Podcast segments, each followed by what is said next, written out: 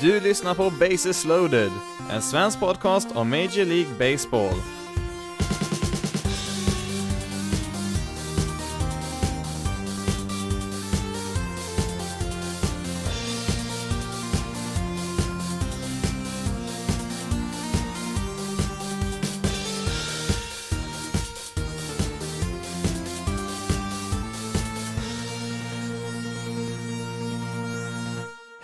Välkommen till veckans avsnitt av Bases loaded, en svensk podcast om Major League Baseball. Som vanligt blir det nyheter från veckan som gick. Eh, tyvärr ganska mycket tråkiga saker just i veckans avsnitt här. Sen så blir det lite extra koll på lagen i National League East och sen på slutet blir det som vanligt eh, tv-tider.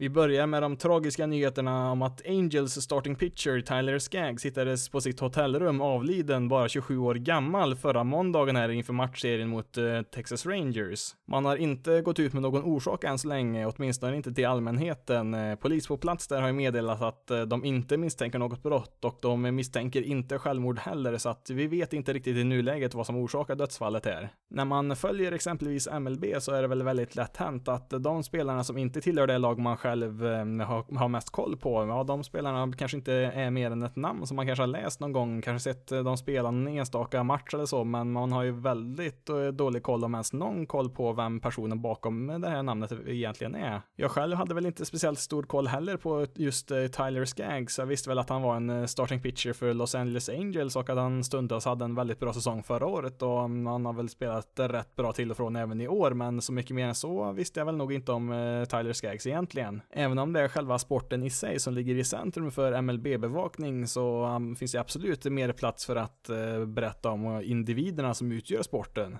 Tyler Skaggs växte upp i Los Angeles och under uppväxten där så hade han väl en dröm att en dag få kunna representera Los Angeles Dodgers eh, på Dodger Stadium. Och ehm, ja, han jobbade ju på stenhårt där i ungdomsåren där och eh, utvecklades till en riktigt, riktigt bra pitcher som det kom väldigt mycket scouter att kolla på där inför draften 2009. Och ja, det var väl en del som trodde han skulle kunna gå väldigt, väldigt tidigt, kanske till och med topp 10. Dodgers i den här draften, de hade ju sitt första draftval först på plats nummer 36, så att han skulle behöva falla ganska långt där för att de skulle ha en chans att plocka honom. Nu blev inte Skaggs vald i varken topp 10, topp 20 eller topp 30 och när det var Dodgers tur där på plats nummer 36 så var han faktiskt eh, fortfarande tillgänglig, men de valde istället Aaron Miller, en outfielder som i slutändan aldrig skulle nå MLB. Istället så fick Skaggs inleda sin proffskarriär lite längre söderut i Anaheim, för Angels valde honom där fyra val senare och eh, visst, han var väl lite besviken ändå att Dodgers hade hoppat över honom där, men var väl ändå ganska glad att han faktiskt valdes här i draften relativt högt. Tio år senare så så fanns den här drömmen fortfarande kvar om att eh, få spela på Dodger Stadium. Angels eh, spelar ju två matcher mot eh, Dodgers på bortaplan här nu om två veckor och han hade väl varit på deras manager Brad Osmus där väldigt mycket att han väldigt gärna vill starta en av de matcherna där på just den arenan. Nu har ju Skaggs i och för sig spelat någon match på Dodger Stadium tidigare där när han representerade Arizona, men det märks att det fortfarande var väldigt viktigt för honom att få spela så mycket som möjligt där på den arenan som han växte upp med. På planen så var ju Skaggs faktiskt en pitcher som var på ganska rejäl uppgång. Han har utvecklats till en ganska stabil pitcher där i Angels rotation och det har ju varit en bristvara för just Angels som haft väldigt svårt att utveckla sina egna starting pitchers på sistone. Man skulle kunna säga att han fick ett eh, litet genombrott eh, förra året. Eh, framförallt första halvan av säsongen var han väldigt, väldigt bra. Sen så fick han spela lite småskala där resten av säsongen så att siffrorna drogs väl ner lite grann där när man summerar säsongen. Men det var ändå ganska tydligt att trenden pekar uppåt där för Skaggs. Angels skulle ju då spela som sagt en matchserie mot eh, Texas Rangers när det här hände och eh, matchen där som skulle spelas senare, senare den kvällen ställdes ju givetvis in. Dagen efter så var det många som kom ut och hyllade Skanks där, bland annat hans före detta lagkamrat eh, Patrick Corbin. Han startar startade ju matchen där för sitt eh, Washington Nationals eh, på tisdagen, dagen efter där och han hyllar ju då Skaggs med att byta sitt nummer tillfälligt från nummer 46 till nummer 45. Alltså 45 var ju det numret som Skaggs spelade med. Skaggs och Corbin var ju väldigt nära varandra. De draftades utav Angels samma år där 2009 och de tradades också tillsammans där i samma trade till Arizona Diamondbacks 2010 så att de spenderade några år där tillsammans även i Diamondbacks system där de båda gjorde sin MLB-debut 2012. 2013 så gjorde man en ny trade mellan Diamondbacks och Angels och eh, Tyler Skaggs eh, skickades tillbaka där medan eh, Patrick Corbin blev kvar där i, Arizona och ja, han spelade kvar där tills han blev free agent här nu i vintras och skrev på med Washington Nationals. Just den här draften 2009 är väl kanske Angels bästa draft någonsin. Förutom Corbin och Skaggs så valde man även Mike Trout, Randall Gritchek som spelar i Blue Jays nu för tiden och även Garrett Richards som är i Padres organisation just nu givetvis väldigt tungt för Angels att behöva fortsätta spela här nu, men eh, det är väl inte så mycket man kan göra åt med spelschemat och mm, ja, man kommer i alla fall hylla Skags här nu resten av året med att sy fast eh, siffran 45 på deras matcher här nu året ut. Självklart så är det alltid tragiskt när människor går bort, eh, men det blir extra tragiskt när det rör sig om eh, personer som Tyler Skagg som bara är ett par veckor från att eh, fylla 28 år. Vi går vidare med något helt annat. Det är ju nämligen All-Star-vecka nu och det kommer ju inte spelas speciellt mycket matcher här nu under veckan här. Det är ju först i helgen här som det drar igång igen så att det blir ett litet uppehåll här för spelarna att vila lite grann om man inte är uttagen då till All-Star-matchen eller till Home Run-derbyt. Först ut så är det då Home Run Derbyt eh, måndagen den 8 juli, alltså samma dag som det här avsnittet eh, släpps på och Eh, ja, det är, det är mitt i natten där, natten mot tisdag blir det väl där klockan två på natten eh, så sänds det och eh, man kan se det på Viaplay faktiskt. Jag är osäker på om man kan se det på MLB TV. Jag har inte sett någon avisering för det där i alla fall, men på, på Viaplay kan man i alla fall se det på. Home Run Derbyt är väl en relativt simpel tävling egentligen. Den som kan slå flest homeruns under en viss tid. Den som vinner tävlingen får ett pris på en miljon dollar, vilket inte är en direkt liten summa där som man har lockat med och man har fått med en del ganska stora namn här. Det är för övrigt övrigt dubbelt så mycket pengar som en rookie tjänar under, på ett rookie-kontrakt i MLB, så att eh, det finns ju verkligen incitament framförallt bland yngre spelare att eh, ställa upp här och försöka vinna. För att eh, vinna tävlingen då så måste man ju besegra sin motståndare. Man tävlar ju inte alla mot alla, utan man har två stycken spelare som ställs mot varandra då, så man måste vinna då en kvartsfinal, en semifinal och en final då, eftersom det är åtta spelare som ställer upp i tävlingen. De som ställer upp i årets Home Run Derby, det är Christian Jelic från Brewers, Vladimir Guerrero Jr från Blue Jays, Pete Alonso från Mets, eh, Carlos Santana från Indians, Alex Bregman från Astros, Jock Peterson från Dodgers, Josh Bell från Pirates och till slut Ronald Cunha från Braves ett rätt bra startfält ändå tycker jag. Sen så finns det väl alltid namn man kanske hellre vill se. Till exempel Joey Gallo hade ju varit väldigt kul att se i Tom Run Derby. Sen har ju han i och för sig varit skadad ganska nyligen här så att eh, man kanske inte vill utsätta honom för det. Shohei Otani har ju sagt att han skulle vara intresserad utav att vara med och eh, ja, han skulle också vara kul att se han i sånt här derby. Och eh, ja, Cody Bellinger har väl sagt att han kanske skulle kunna tänka sig att vara med nästa år när det här äger rum på Dodger Stadium där, så att han ville väl kanske göra det inför hemmapubliken då nästa år istället. Ett annat lite mindre känt namn, det är väl kanske då Daniel Vogelback i Seattle Mariners. Han har också varit väldigt kul att se här i, i den här tävlingen, men ja, man kan inte få med allihop och det kommer väl fler år som de kanske kan få chansen i. Så att eh, ja, jag tycker som sagt att det är ändå ett rätt bra startfält som man har här nu i år. Sen på tisdagen där då, så är det då dags för All-Star-matchen och eh, det är ju samma sak där med sändningstiden då. Halv två på natten mot onsdag svensk tid så, så spelas den och eh, man kan se den på MLB TV i alla fall och även på Viaplay sänder den live. Jag tänkte väl kanske inte gå igenom precis varenda spelare som är vald till All-Star-matchen här, men jag tänkte vi kan väl gå igenom de som har, valts till eh, spelare som ska starta matchen i alla fall. För American League på catcher så har man då Gary Sanchez från eh, Yankees, eh, på första bas Carlos Santana från Indians, Andra bas DJ LeMayu från Yankees. Tredje bas Alex Bregman från Astros. Shortstop Jorge Polanco, Twins. På outfield så har man Mike Trout från Angels, George Springer från Astros och Michael Brantley, även han från Astros. Och som designated hitter så har man Hunter Pence från Rangers. Lite extra synd där då med Hunter Pence, för han har ju skadat sig här nyligen så att han kommer inte kunna spela och eh, det är lite extra synd eftersom att eh, absolut ingen, förmodligen inte ens han själv, trodde ju på förhand att eh, han ens skulle vara i närheten av att eh, komma till All-Star matchen här. Man trodde väl att han var helt slut och kanske skulle pensionera sig istället, men han har ju spelat riktigt bra i år så att eh, det var ju kul att han blev vald till All-Star matchen, men tyvärr så kan han inte spela då på grund av skada. I National League så ställer man upp med följande lag på catcher Wilson Contreras från Cubs, första bas Freddie Freeman från Braves, eh, andra bas Ketel Marte, Diamondbacks, eh, tredje bas Nolan Arenado från Rockies, shortstop Javier Baez från Cubs, på deras outfield så har man Christian Jelic från Brewers, Cody Bellinger från Dodgers och Ronald Acuna Jr från Braves. Man har även meddelat att eh, Dodgers pitcher Junjin Ryu kommer att eh, starta för National League som pitcher där. Man har inte kommit ut med vem som kommer att starta för American League än så länge. Som vanligt så är det väl alltid någon som missar All-Star-matchen som man tycker borde få chansen efter en eh, bra inledning på säsongen, men de flesta brukar få en plats i truppen på något sätt. Det är ju så att en del av de här spelarna som väljs i All-Star-matchen är ju skadade och inte kan delta i själva matchen och då måste man kalla in reserver så att då brukar de här som är precis på gränsen få chansen ändå. Den kanske största missen i år, det var väl Red Sox shortstop eh, Sander Bogart som absolut förtjänade en plats i All-Star-matchen där. Han var ju utanför truppen där till en början med, men han har kommit in som reserv i alla fall nu så att eh, han får i alla fall vara med där ändå. I National Leagues eh, spelartrupp där så saknar han väl kanske framförallt Fernando Tatis där som visserligen var skadad där en månad, men när han väl har spelat så har han ju varit dels väldigt, väldigt bra och också väldigt underhållande att se på när han spelar, så att jag tycker absolut att han skulle kunna få en plats där. Kanske inte startplatsen där istället för Javier Baez, men man har ju även med Trevor Story och Paul DeJong där som shortstop, som jag tycker att någon av dem skulle man ju kunna ta bort där istället för Tatis. I vilket fall som helst eh, är väl inte så jätteintresserad personligen så utav All-Star-matchen, utan man får, man får väl se det för vad det är egentligen, liksom en liten rolig grej så absolut, men det är ju liksom en eh, popularitetstävling egentligen. Det är ju fansen som till stor del röstar fram de här spelarna och eh, det är ju klart att spelare från större städer med,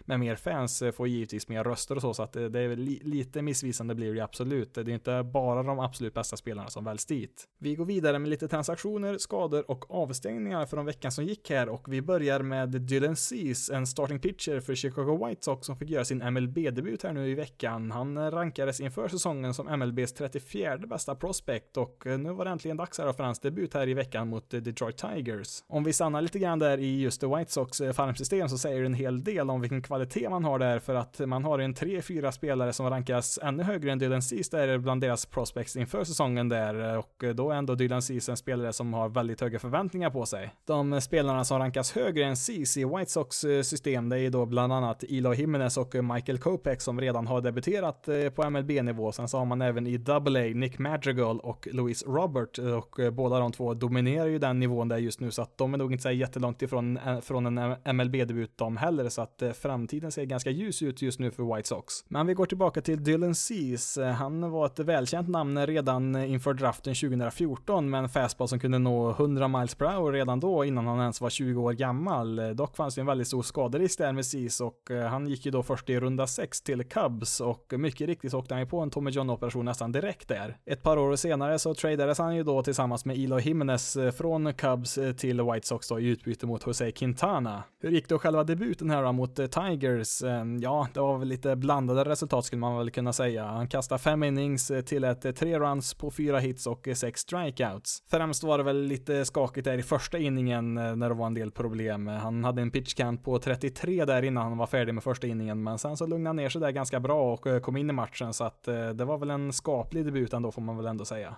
Vi fortsätter med lite mer tråkiga uppdateringar från veckan och vi börjar med Odubel Herrera, Philadelphia Phillies outfielder som stängs av resten av säsongen och han får inte heller delta i ett eventuellt slutspel. Totalt så är avstängning, avstängningen på 85 matcher utan lön. Herrera har inte spelat eh, någonting alls sedan slutet utav maj när han greps misstänkt för att ha misshandlat eh, sin flickvän som hade enligt polisrapporter synliga skador på både arm och nacke. Det kom ett beslut här nu i veckan att eh, man inte kommer att väcka åtal mot Herrera, men MLB har ju rätten att bestraffa spelare oavsett om de döms i någon domstol eller inte och ja, de har ju valt att göra här nu när man stänger av honom i 85 matcher. Tyvärr så är ju det här ett utav flera fall på sistone där en MLB-spelare har gripits Eh, för att eh, ha misshandlat eh, sin fru eller flickvän. Det senaste här, förutom Herrera, det var väl Addison Russell i Cubs som kom tillbaka från en liknande avstängning tidigare i år. Man tog ju ett beslut där sen under vintern från Cubs sida att de ville ha kvar Addison Russell på spelartruppen där, vilket fick en hel del kritik från många olika håll. Men man sa väl att man ville finnas med där som stöd och hjälpa Russell bli en bättre människa eller något i den stilen där. Och ja, efter avstängningen så har han ju kommit tillbaka här nu och spelar ju varje dag på Cubs Eh, infield. Ett eh, liknande fall hade vi även förra året med Roberto Osuna som vid tillfället var en eh, relief pitcher för Toronto Blue Jays och när hans avstängning var färdig där så tradade man iväg honom till Houston Astros där och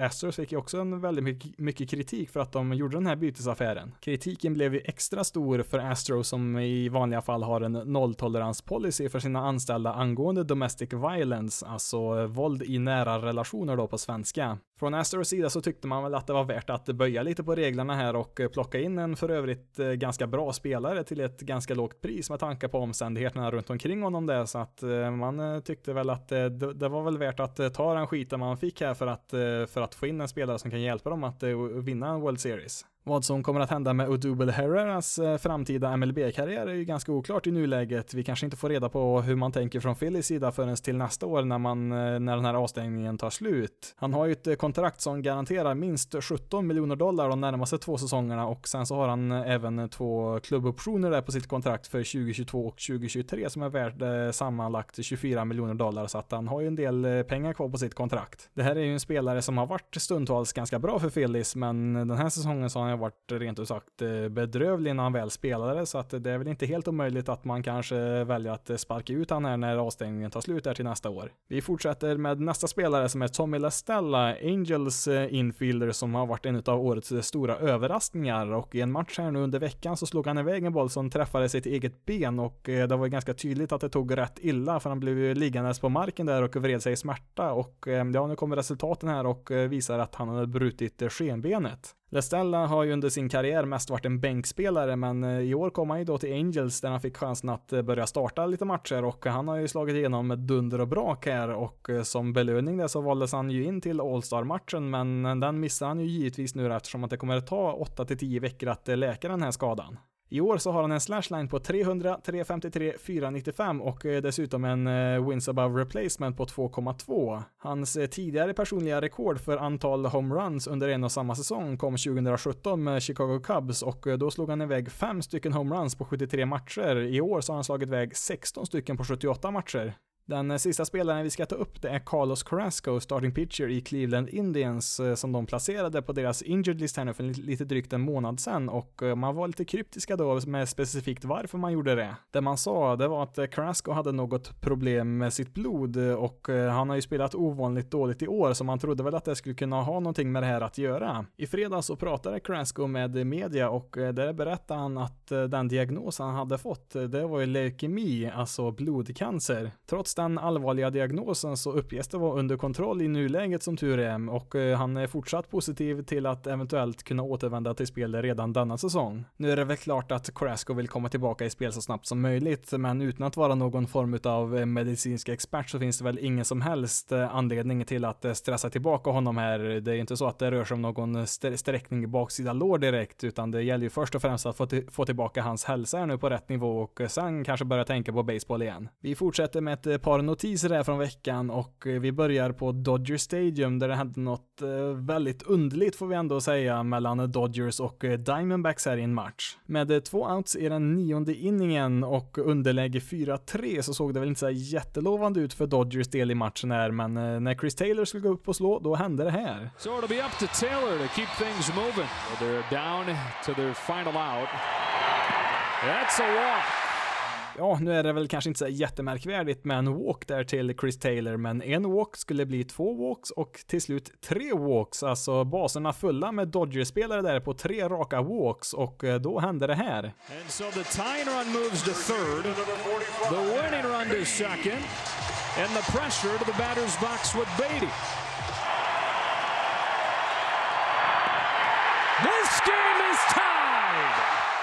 Nu kanske det inte hördes exakt vad som hände där, men eh, jag tror nog du kan lista ut vad det faktiskt var. Det var ju nämligen en fjärde raka walk där från eh, Diamondbacks closer Greg Holland där och det betyder ju då att Dodgers kunde gå in eh, sin kvittering där till 4-4 och ja, det var inte slut där för sen så kom ju Cody Bellinger upp av alla spelare.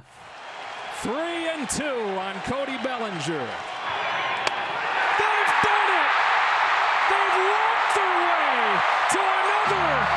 Walk-off win. With two in the bottom of the ninth, without a hit, five walks.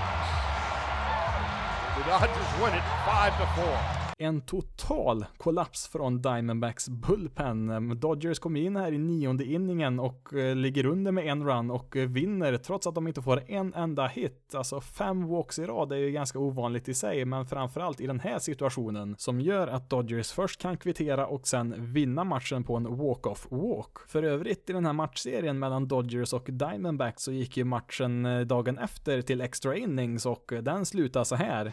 On a 1-0 from Lopez, Bellinger hammers the ball. It's Bellinger's turn.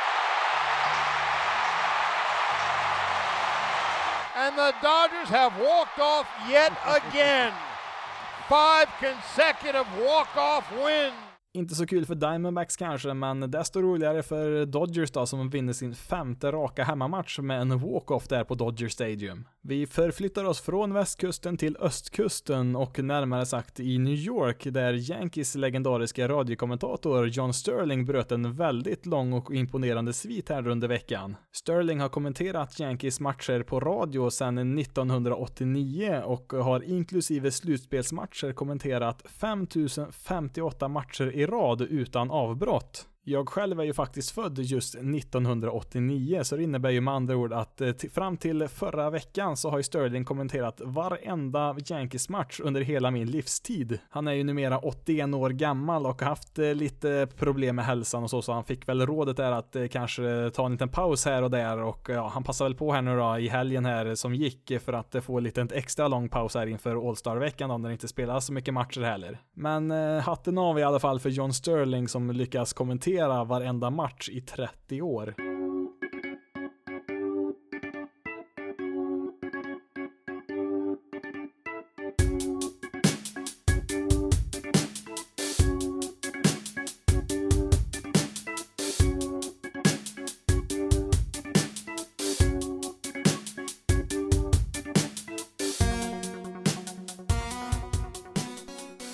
Då är det dags för veckans division som är National League East och vi börjar med Atlanta Braves som har vunnit 53 matcher, förlorat 37 och leder divisionen 6 matcher före Washington Nationals. Efter All-Star-uppehållet så har man en matchserie mot eh, Padres, men framförallt så är det ju sex eh, matcher mot Nationals och eh, tre matcher mot Phillies här nu i juli som är väldigt viktiga. Det kommer ju avgöra om man kommer att utöka sin ledning i divisionen inför deadlinen där, eller om de andra två lagen kommer att äta upp försprånget där, så att det kommer vara några viktiga matcher här nu för, för Braves här under juli månad. Senast vi gick igenom National League East så hade väl alla lag problem där med, sin, med sina bullpens och ja, Braves kanske hade störst problem utav dem alla, men Eh, efter att ha experimenterat med diverse reservdelar och skolat om lite starting pitchers och eh, tradat för Anthony Swarsack så har det pekat uppåt för Braves Bullpen nu på sistone. Framförallt när man tradade till sig Swarsack där från Mariners så var det väl en vändpunkt där för deras Bullpen som har spelat rätt bra sedan dess. Eh, hade väl inte någon jättebra inledning i Mariners i år, men de såg väl något de gillade där i Atlanta och eh, ja, när de, efter de har tradat till sig honom så har han ju spelat riktigt, riktigt bra där för Braves. Sen så har man ju som sagt tagit några starting pitchers och och placerat dem i deras bullpen åtminstone tillfälligt. Bland annat Sean Newcomb har väl hoppat lite fram och tillbaka från deras rotation och bullpen och även Tuki Toussaint, ett väldigt lovande prospect som egentligen är en starting pitcher som har hittat en del framgångar som relief pitcher istället i år. Totalt så har man ju använt eh, 20 stycken olika relief pitchers i år så att eh, det, det tog lite tid och lite tålamod att bygga ihop en fungerande bullpen men i nuläget så verkar man ha en grupp som eh, presterar rätt bra i alla fall. Nu när man verkar ha fått ordning på sina pitchers ganska bra så är det väl kanske inte så konstigt att man kopplat greppet här i divisionen med tanke på hur het deras lineup är där. Man har ju en riktigt slagkraftig offensiv uppställning där man kan skicka ut varje dag. Deras konkurrenter i divisionen lär ju vara ganska oroliga för Braves. Det här är ju ett lag som inte bara är bra just nu utan ett lag som är byggt för att vara riktigt bra i många, många år framöver. Det finns ju redan nu väldigt mycket ung talang på deras roster i MLB och dessutom så har de fortfarande ett, ett av ligans bättre minor League-system så att Braves kan ju verkligen bli, bli ett lag att räkna med under väldigt, väldigt lång tid. Visst finns det ju även lite äldre rutinerade spelare också som Freddie Freeman, McCann och eh, Nick Markakis där, men eh, man kollar, på, kollar man på kärnan av laget så är de flesta väldigt, väldigt unga fortfarande. Till exempel Austin Riley, en spelare som kom upp här mitt under säsongen från deras minor League-system och eh, producerar ju hur bra som helst redan från match 1. Sen så har man ju även en hel del sådana här spelare som har spelat ett par, tre säsonger bara och redan nu producerar på All-Star-nivå.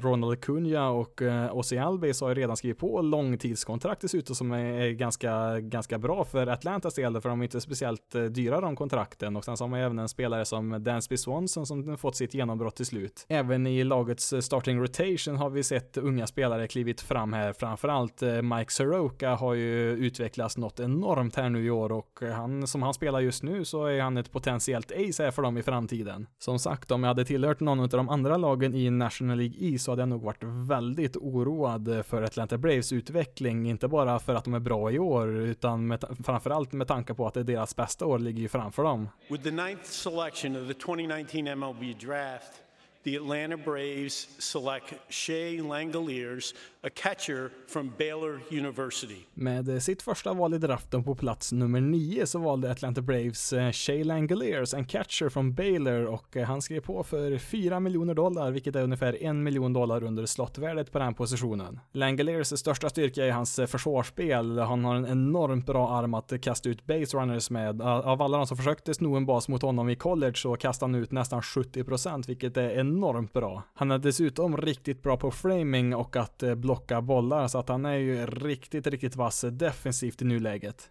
Det största frågetecknet är ju hans eh, förmåga som slagman och stundtals har han haft eh, lite svårt att eh, få kontakt med bollen men han har ändå så pass bra disciplin där han ska upp och slå att han kan ta en hel, hel del walks i alla fall men kombinerat med relativt bra styrka i svingen där så tror väl scouterna att han ska kunna prestera som en genomsnittlig slagman i MLB. Och även om han inte skulle lyckas alls som en slagman i MLB så är han tillräckligt duktig som en defensiv catcher att han i absolut värsta fall bör kunna ta en plats på en MLB-roster som en defensiv back backup catcher. Om vi kollar på deadlinen här för trade som är om några veckor så Braves har väl inte direkt någon anledning att jaga några position players därför att i princip alla spelare de har där eh, producerar ju ganska bra offensivt så att det är ju mest pitchers i så fall de skulle ut och jaga. Främst kanske man kollar på en starting pitcher där även om man säkert skulle vilja få in en relief pitcher också där om man kunde få in det men eh, framförallt eh, deras starting rotation skulle väl behöva stärkas upp där. Jag tror nog de kan vinna divisionen med den truppen de har men skulle man, ska man rå på till exempel Dodgers i ett slutspel så behöver man nog eh, förbättra sin rotation lite grann i alla fall. Med all den talang som man har i sitt farmsystem där man bland annat har en del starting pitchers så lär man väl i första hand kanske leta efter pitchers med utgående kontrakt. Eh, till exempel Madison Bumgarner och Zach Wheeler är ju två starting pitchers som är free agent efter den här säsongen och de skulle säkert passa in i Braves eh, planer här för den här säsongen. Man hade väl nog lite samma tanke när man värvade in Dallas Keuchel som free agent mitt under säsongen. Han fick ju ett kontrakt som bara sträcker sig året ut här för man vill väl på sikt helst kunna satsa på sina egna pitchers i deras money League-system när de är redo.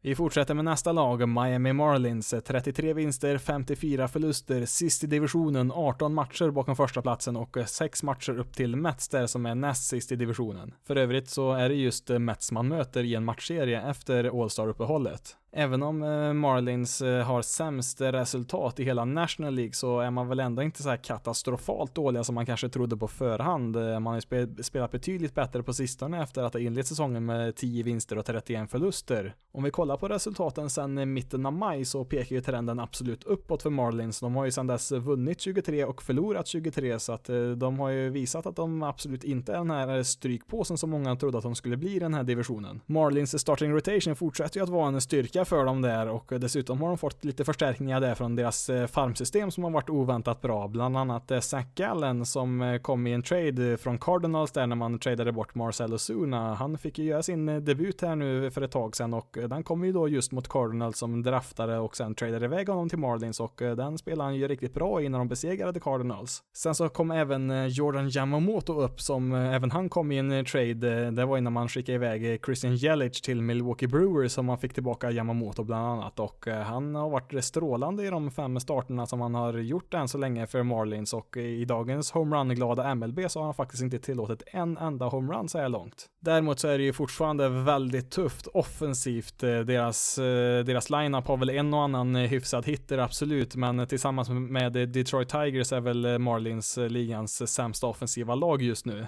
Bland annat Curtis Granderson, gammal rutinerad outfielder, hade man väl hoppats skulle kunna ta med sig lite rutin och spelar rätt hyggligt ändå och kanske kunna trada bort honom här inför deadlinen men eh, han har ju varit en av ligans sämsta spelare i år och varit värd minus 1,1 eh, wins above replacement. Framförallt så har man ju haft det svårt att hitta en bra lösning i just deras outfield. With the fourth selection of the 2019 MLB draft, the Miami Marlins select J.J. Bleday, an outfielder from Vanderbilt University. Med sitt första val i draften så valde Marlins J.J. Bleday, en outfielder från Vanderbilt och han har faktiskt inte skrivit på sitt kontrakt än. Deadlinen för att skriva på med sina draftade spelare går ut eh, på fredag, så att har man inte skrivit på eh, något kontrakt innan dess så får spelarna, ja då tappar man rätten till de här spelarna som får ställa upp i nästa års draft istället. Nu Eh, ska man nog inte vara alltför orolig för Marlins här för att eh, anledningen till att det tagit så lång tid det är för att eh, Bleday har varit med och spelat i College World Series med sitt Vanderbilt som de vann. College World Series är ju då en turnering som de bästa college-lagen spelar mot varandra i och eh, den spelas i slutet, slutet utav deras eh, säsong som är mitt i sommaren här nu i samband med draften ungefär skulle man kunna säga och eh, eftersom att Vanderbilt gick hela vägen och vann så har ju Bleday varit upptagen med att spela där tills ganska nyligen så man har helt enkelt inte haft tid att förhandla fram kontrakt än så länge. Bleday är väl framförallt en väldigt, väldigt bra slagman, en utav draftens absolut bästa i den kategorin. Han ledde ju alla college-spelare i antal antal homeruns med 26 stycken i år och och eh, han är väl, eh, ja han gör väl inte bort sig som försvarare heller. Han är väl inte speciellt snabb men har tillräckligt eh, bra spelförståelse och tillräckligt stark arm där för att klara av att spela som outfielder. Men det är ju framförallt hans förmåga som slagman som gör att han går så här högt i draften. Det är ju det man först och främst vill komma åt här och även om han slog iväg en massa homeruns i år så är det inte så att han står och vevar på allt han ser där utan han har ju också väldigt bra disciplin där och kan se strikezonen väldigt bra. Han hade faktiskt fler walks än vad han hade strikeouts under samtliga tre säsonger där på college, så att han är väldigt slipad som sagt som slagman på trademarknaden så finns det ju inte på kartan att förbättra det här laget bara för i år, utan det gäller ju att förbättra laget inför framtida säsonger. Dessvärre så har man väl inte så jättemycket solklara spelare att eh, byta bort här nu under deadlinen för att eh, få lite fler unga prospects. Bland eh, blivande free agents så har vi Martin Prado, Neil Walker och Curtis Granderson och jag tror väl inte någon av de tre kommer vara speciellt intressant för någon av lagen som är på väg mot slutspel. Den enda blivande free agent-spelaren som skulle kunna ha något värde, det är väl då kanske Sergio Romo, deras relief pitcher som har en hel del eh, värdefull rutin, men han vill inte spela sig jättebra i år, men där har man väl i alla fall en spelare man skulle kunna fått något eh, marginellt prospect för. Sen så skulle det väl kunna vara en möjlighet att man eh, faktiskt tradar iväg någon av sina starting pitchers där med flera år utav kontroll. Man har ju så pass många både på sin MLB-roster och även i deras minor League-system där så att man skulle ju kanske kunna göra sig av med någon där och få tillbaka ett ganska stort prospect-paket om man väljer den vägen istället. Och i och med att man har så pass många bra pitchers i sitt system så behöver man ju främst eh, få unga lovande slagmän då i utbyte om man ska göra något trades här inför deadlinen där, för att det är en bristvara på det just i Marlins system. Nästa lag är New York Mets, eh, 40 vinster, 49 förluster på fjärde plats i divisionen, 12,5 matcher bakom första platsen och eh, 6 matcher upp till Phillies på tredje platsen just nu.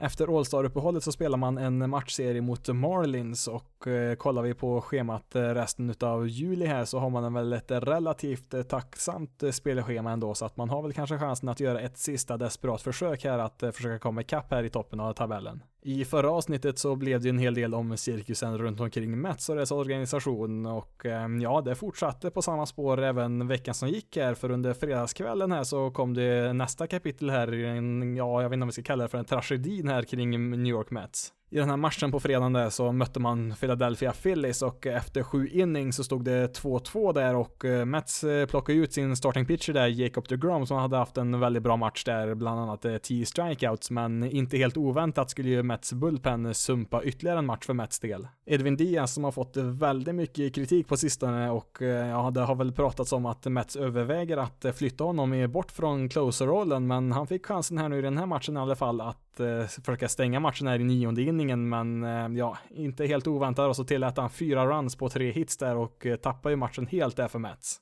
Med tanke på hur ofta deras bullpen tappar ledningen åt laget så är det väl inte så jättemycket nyhetsvärde i den här situationen, men det var ju mer det som hände efter matchen som fick ganska stor uppmärksamhet. Efter matchen så var det ett möte där med eh, tränarstaben och eh, deras eh, general manager Brody Van Wagenen och eh, i det här mötet skulle Van Wagenen tydligen ha blivit så förbannad efter den här förlusten att han tagit tag i en stol och kastat över hela rummet där inne någonstans. Och eh, mitt i sitt raseri där så hade han väl också rytit till där till eh, lagets manager Mick Calloway att han skulle gå ut därifrån och eh, prata med media i, i den efterföljande presskonferensen. Vad är det då som är problemet med Mets just nu? Ja, förutom deras dysfunktionella ledning då. Ja, på planen så är det väl inte så jättesvårt att lista ut just nu. Deras offensiv är väl helt okej, okay. inget märkvärdigt, men ändå helt okej. Okay. Deras starting rotation är stundtals riktigt bra. Det är då framförallt deras bullpen som i nuläget är en total katastrof. I nuläget så är det väl bara Seth Lugo som har varit pålitlig som reliever där under en längre tid och då har man ändå använt 22 stycken olika relief pitchers, att en utav 22 pålitliga relief pitchers, det håller ju inte direkt i en bullpen. Visst, man kanske inte hade varit i toppen av divisionen även om man hade haft en bullpen som hade presterat på en genomsnittlig nivå i MLB, men man hade i alla fall varit med i racet där om en slutspelsplats. I nuläget så trillar man ju bara längre och längre ifrån. With the 12th selection of the 2019 MLB draft, the New York Mets select Brett Beatty, a third baseman from Lake Travis High School in Austin, Texas. Med sitt första draftval på plats nummer 12 så valde man Brett Beatty, en tredje basman som spelar på high school här nu senast. Han skrev på för 3,9 miljoner dollar, vilket är ungefär 400 000 dollar under slottvärdet på den positionen. Beatty är väl egentligen ganska gammal för att vara en high school-spelare, vilket brukar sänka värdet eh, på en spelare, men han har spelat så pass bra på sistone att han går ändå rätt högt här i draften. Han ska ha en väldigt bra förmåga att slå för både ett högt average och med mycket styrka. Framförallt enormt stark och eh, kan väl möjligtvis eh, ligga ganska högt upp i homerun-listor här i framtiden. Beatty anses vara relativt eh, svag defensivt på tredje bas, även om han har förbättrat sig en hel del där på sistone. Men ja, det finns nog en ganska stor risk att han hamnar på första bas i framtiden. När det gäller trademarknaden så är det väl ganska svårt att förutspå vad Mets faktiskt tänker att göra. Det är en organisation som kanske inte alltid tar de mest logiska besluten i olika sammanhang. Det logiska i nuläget är att man säljer av en del spelare och satsar på att bygga kring de spelarna som kommer att vara kvar i Mets i många år framöver. Ja, alternativt satsa lite mer på nästa år kanske. Om Mets istället skulle få för sig att försöka förbättra laget här och nu, vilket inte är en omöjlighet, så är det ju helt klart relief pitchers man behöver, mer än en också kanske till och med 3-4 egentligen så dåligt som de spelar just nu. Med det sagt så har ju deras bullpenförvärv inför säsongen misslyckats eh, totalt eh, och eh, det finns ju ingenting som garanterar framgång om man skulle försöka värva in fler relief pitchers på trademarknaden. Bland deras eh, blivande free agent så är väl framförallt Zach Wheeler där en starting pitcher ganska värdefull där. Han kan man nog få en del för och även Todd Frazier där på tredje bas skulle väl kanske också kunna hjälpa något lag där i slutspelsrace om Mets väljer att ta det ett steg längre så är det väl inte helt omöjligt att eh, Noah Syndergaard, en annan starting pitcher där, eh, försvinner. Han har ju två år utav kontroll kvar efter den här säsongen och han har ju stundtals varit fantastiskt bra men har ju svårt att få till det över längre perioder där med en del skador och så. Det gick ju rykten redan i vintras att eh, Syndergaard eventuellt skulle kunna tradas så att det är nog inte helt omöjligt om man vill ha in ett lite större prospect-paket att han kan försvinna. Nästa lag, Washington Nationals, 46 vinster, 42 förluster, 6 matcher bakom Braves i divisionen, vilket innebär att de faktiskt är uppe på andra platsen nu där och eh, ligger faktiskt också på en wildcard-plats. På spelschemat efter All-Star-uppehållet så möter man Phillies i en matchserie och eh, sen så har man även sex väldigt viktiga matcher mot Atlanta Braves här under juli månad så att eh, det kommer vara några väldigt viktiga veckor här nu för lagen i toppen i den här divisionen. Det har varit en enorm vändning från Nationals sida. Det såg ju hur tungt ut som helst där inledningsvis, men nu är man helt plötsligt uppe på andra platsen i divisionen där och på den senaste månaden så har man vunnit 18 utav 26 matcher så att man är i riktigt stor form just nu. Nationals hade ju likt Mets inledningsvis en fantastiskt dålig bullpen eh, som var den stora svagheten för laget, men till skillnad från Mets så har ju deras bullpen här nu i Washington faktiskt förbättrat sig en hel del. Men som sagt, eh, deras bullpen har ju spelat betydligt bättre på sistone. Jag kanske inte skulle säga att de har spelat bra, men eh, med tanke på hur dåliga de var där ett tag så har de ju förbättrat sig en hel del. En del vart väl kanske lite förvånade när man skrev på ett minor League-kontrakt här för ett par veckor sedan med en 42-årig Fernando Rodney som nyligen fått sparken ifrån Oakland efter att han har presterat en ERA närmare 10 där i år. Men i de fem matcherna han har spelat för Nationals så här långt så har han inte tillåtit en enda run och eh, häromdagen så hade han faktiskt en pitch som nådde upp till 99 miles vilket inte är fy skam för en 42-åring. With the 17th selection of the 2019 MLB draft, the Washington Nationals select Jackson Rutledge, a right-handed pitcher from San Jacinto College North, Houston, Texas. Med sitt första val i draften på plats nummer 17 så valde Nationals eh, Jackson Rutledge en högerhänt pitcher från San Jacinto och han skrev på ett eh, kontrakt för 3,4 miljoner dollar vilket var ett par hundratusen dollar under slottvärdet där. Han var för övrigt den enda spelaren i första rundan som eh, draftades från ett junior college där man bara behöver spela ett år innan man kommer till draften. På ett vanligt college så måste man spela i tre år innan man får komma med i MLB-draften. Rutledge har en enorm fastball, men han är också enorm rent fysiskt för han är över två meter lång och väger närmare 120 kilo. Under våren så har hans fastball snittat över 95 miles per hour och eh, upprepade gånger så har han även varit uppe på 99 miles per hour och han har dessutom uthålligheten att kasta de här riktigt hårda kasten långt in i matcher. Däremot så har han haft en del skadeproblem tidigare och det finns väl en viss risk tror en del att han kanske blir en relief pitcher i slutändan men han har ett riktigt högt tak och har potentialen i alla fall att hamna högt upp i en MLB-rotation. På trademarknaden så svänger det snabbt. Eh, för inte så länge sedan så pratades om vilka spelare som National skulle kunna tänka sig att eh, sälja av för att eh, bygga för framtiden och framförallt deras alltså tredje basman Anthony Rendone nämndes ju väldigt mycket till vilket lag han skulle kunna tradas till eftersom att han blir free agent efter säsongen. Och det pratades ju till och med om att Max Scherzer skulle kunna tradas iväg under rätt omständigheter. Nu lär det väl inte vara aktuellt längre med att trada iväg spelare utan man lär väl försöka förstärka så gott det går. Man har ju en ganska höga löner så att man vill väl i första hand försöka hitta ganska billiga spelare men de kostar ju istället då ganska bra prospects. Eh, man har ju för, för övrigt en ganska gammal roster, eller ja man har en del veteraner som är snart i free agents rättare sagt och eh, en rebuild ligger väl kanske inte så jättemånga år in i framtiden så att det gäller väl att man tar chansen när man väl har den. Som jag nämnde tidigare så kan ju Nationals rotation matchen matcha vilket lag som helst och eh, när deras lineup är i form så är ju den också riktigt vass. Så att det är ju framförallt i deras bullpen som man måste hitta en förstärkning och det kanske inte bara räcker med en eller två relievers där utan det kommer ju behövas en hel del förstärkningar där för att eh, man ska kunna konkurrera i ett slutspel skulle jag tro. Sista laget att gå igenom, Philadelphia Phillies, 46 vinster, 43 förluster, trea i divisionen nu när Nationals har passerat dem och det är just Nationals som man möter efter All-Star-uppehållet och eh, till nästa vecka har man även fyra matcher mot Dodgers så att eh, det kommer vara en liten tuff period här nu för Phillies. Det känns väl som att man eh, trampar vatten lite grann här och inte kommer någonstans samtidigt som både Braves och Nationals simmar ifrån här i tabellen. Det var väl lite grann i samband med skadan där på Andrew McCutchen där som luften gick ur Phillies kändes det som. Nu har man ju inte på något sätt eh, trillat ifrån slutspelsracet än, men eh, det måste vara väldigt frustrerande för Phillies den här säsongen. Man har ju satsat så jättemycket pengar så att om man inte skulle nå ett slutspel i år så skulle det ju vara ett fiasko helt klart i nuläget så finns det väl inte direkt någon lagdel som producerar bra. Det finns ju en och annan bra spelare här och där. Alltså man har ju Zac Eflin som har spelat stabilt i år i deras starting rotation och även Aaron Nola har ju pitchat väldigt mycket bättre här nu på sistone, men bakom dem så finns det inte så mycket att stödja sig på där. Samma sak i deras lineup, eh, Reese Hoskins och eh, Bryce Harper, visst, eh, de är bra, absolut, men de är inte någon sån här superstjärnor som Trout eller Bellinger som kan lyfta laget. De behöver ju betydligt mer hjälp än vad de redan har fått för att det här ska kunna gå vägen, för som Phillies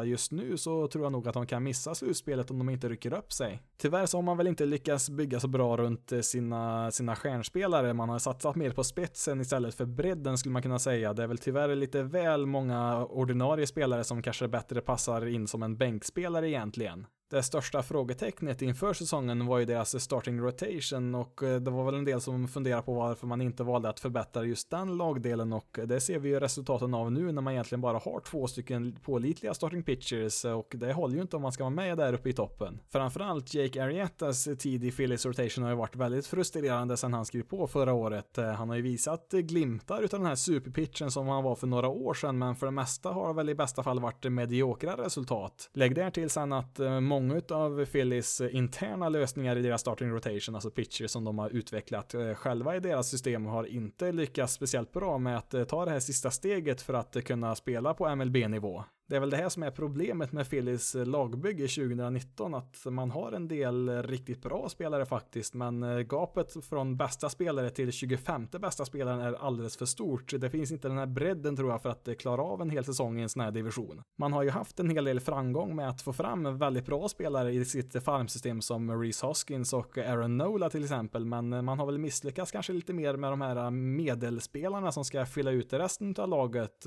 så att ja, det, det finns finns väl som sagt lite väl många hål här i deras MLB-roster i nuläget och jag vet inte riktigt om de kan fixa till det mitt under en säsong. With the 14th selection of the 2019 MLB draft, the Philadelphia Phillies select Bryson Stott, a shortstop from the University of Nevada, Las Vegas. Med sitt första val i draften på plats nummer 14 så valde Phillies eh, Bryson Stott, en shortstop från University of Las Vegas och han skrev på för 3,9 miljoner dollar vilket var ungefär 100 000 dollar under slottvärdet. Det råder väldigt eh, delade meningar om eh, Stott eh, som ett prospect. För ett år sedan så ansågs han vara en väldigt bra slagman med vissa defensiva svårigheter som shortstop, men inför draften så hade det svängt där att han istället förbättrat sig väldigt mycket defensivt och istället tagit ett steg bakåt som slagman. Än idag så finns det väldigt många olika åsikter om eh, hans eh, framtid. En del tror att han kommer att klara av både offensiven och defensiven väldigt bra i MLB. En del tror att han bara klarar av en utav dem.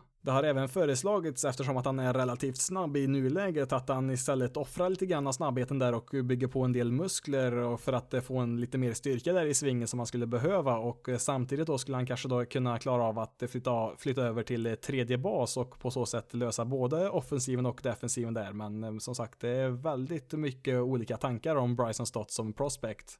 Det kan nog bli rätt intressant att se vad Felix kan tänkas göra här de närmaste veckorna på trademarknaden. Man har ju en del hål att eh, täcka upp som vi nämnde. Sen så vet jag väl inte, kanske inte om man kan eh, fylla allihop direkt här nu mitt under säsongen. Man behöver väl minst en eh, offensiv slagman till där. Man har ju redan tradat till sig Jay Bruce tidigare i år och han var väl i första hand tänkt att vara ett offensivt vapen från bänken där, vilket var en bra tanke. Men bara en dag efter den här traden så skadade sig McCutchen där som gjorde att han blev borta resten av säsongen. Så att behovet finns ju kvar där. Som eh, de flesta andra lagen i divisionen så har man ju stora problem i sin bullpen som en enda röra just nu och visst, man får tillbaka lite spelare här från sin injured list här under de närmaste veckorna, men man har egentligen ganska stort behov av att få ordning på det ganska snart här för att det, risken finns ju att eh, Braves eh, drar ifrån ännu mer där uppe i divisionstoppen. Dessutom så krävs det väl i nuläget i alla fall minst en etablerad starting pitcher till där för att få ordning på det, här så att det, det finns en hel del saker man behöver förbättra här under deadlinen för att man ska kunna vara ett ett eh, allvarligt hot i slutspelet kollar vi vad som finns i deras eh, minor League-system, vad man kan tänka sig trada iväg det för att eh, få mer etablerade spelare, så visst, det finns ju en del intressanta namn där, men eh, man har ju ändå tunnat ut eh, sina prospect där en hel del eftersom man dels har flyttat upp dem till MLB-rostern och eftersom man officiellt är ute ur sin rebuild så har man ju även tradat bort några där för att eh, förbättra laget i nuläget. Jag tror nog att det finns tillräckligt med prospect för att eh, trada till sig någon väldigt bra spelare, men då blir man av med top prospect som Adonis Medina och Alex Alec Bohm där och ja, framförallt Alec Bohm på tredje bas som nyligen kom upp i AA har ju varit lysande där så här långt och eh, han skulle ju, man visst, man skulle få en väldigt bra spelare för honom men eh, med tanke på hur dåligt Michael Franco har spelat på MLB-nivå på tredje bas så vill nog många hellre kanske se att han flyttas upp till MLB ganska snart här istället för att eh, trada bort honom. Frågan blir ju då om man har viljan att offra framtiden för att gå all in på det här laget, att eh, trada bort de få väldigt bra prospects som man har kvar för att satsa på det här laget som har en en hel del brister och ehm, ja, jag vet inte riktigt var man står där så att det ska bli lite intressant att se vad man kan tänkas göra här nu under de närmaste veckorna här innan deadlinen.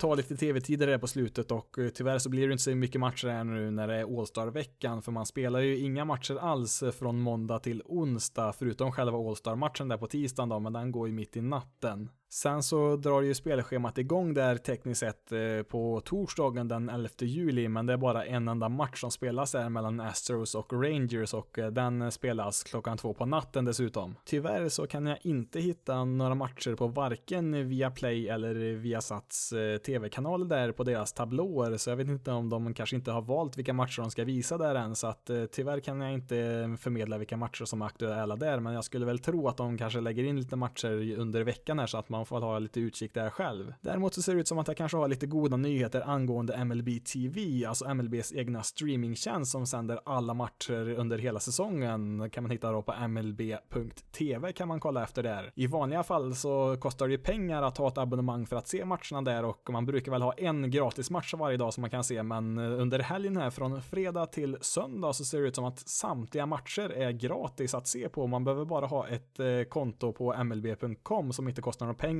Man behöver bara ha ett, eh, ett, en e-postadress där för att skapa ett konto så kan man se på de här matcherna som är gratis. Och eh, som det ser ut just nu så har man markerat samtliga matcher från fredag till söndag då, gratis. Nu kan det ju givetvis vara ett misstag det här från MLB TVs sida att markera alla matcher så här, men om jag inte minns helt fel så tror jag faktiskt att man gjorde en liknande sak eh, efter eh, förra All-Star-matchen där förra året, att man helgen efter den matchen sände alla matcher gratis här på MLB TV, så att det är väl någon kampanj man kör här nu under helgen, så att om man inte har tillgång till MLB TV i vanliga fall så passa på här nu under helgen. Fredagen den 12 juli så är samtliga lag tillbaka i spel, men det är bara en match som startar tidigt där innan midnatt svensk tid och det är ju Pirates mot Cubs som startar 20 över 8. Men nu när det ändå är gratis att se samtliga matcher så kanske man vill passa på att se något annat också och eh, det finns ett par ganska heta möten här, bland annat eh, Nationals mot Phillies eh, börjar där vid midnatt och även Dodgers mot Red Sox startar klockan ett på natten där under fredagen. På lördagen den 13 juli så sänds det fyra matcher tidigt där, Tampa Bay Rays mot Baltimore Orioles börjar klockan sju och vid samma tid kan man även se Blue Jays mot Yankees. Lite senare där sen 20 över 8 kan man se Pirates och Cubs igen och vid 10-tiden så spelar White Sox mot Oakland. På söndagen den 14 juli så är det som vanligt att eh, samtliga lag startar sin match innan midnatt svensk tid förutom en match där mellan Dodgers och Red Sox som eh, börjar klockan ett där på natten men resten av lagen startar sin match någonstans mellan 7 till 10 på kvällen där.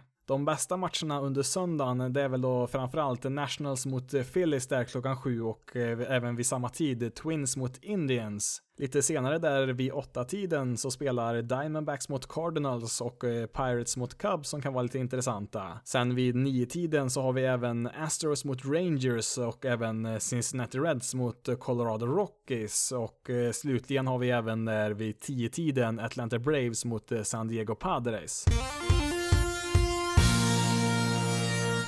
Det får nog räcka där för veckans avsnitt. Eh, om du vill eh, följa Basis loaded på sociala medier så kan du göra det på Twitter, Facebook och Instagram. Då letar du upp basisloaded.se. Du kan även mejla till eh, basisloadedse gmail.com och du kan även besöka hemsidan basisloaded.se för mer om MLB på svenska. Men nu har jag pratat tillräckligt för idag. Mitt namn är Jonathan Fabri. Tack så jättemycket för att du har lyssnat på det här avsnittet av Basis Loaded. Ha det så bra där ute så hörs vi nästa veckas avsnitt.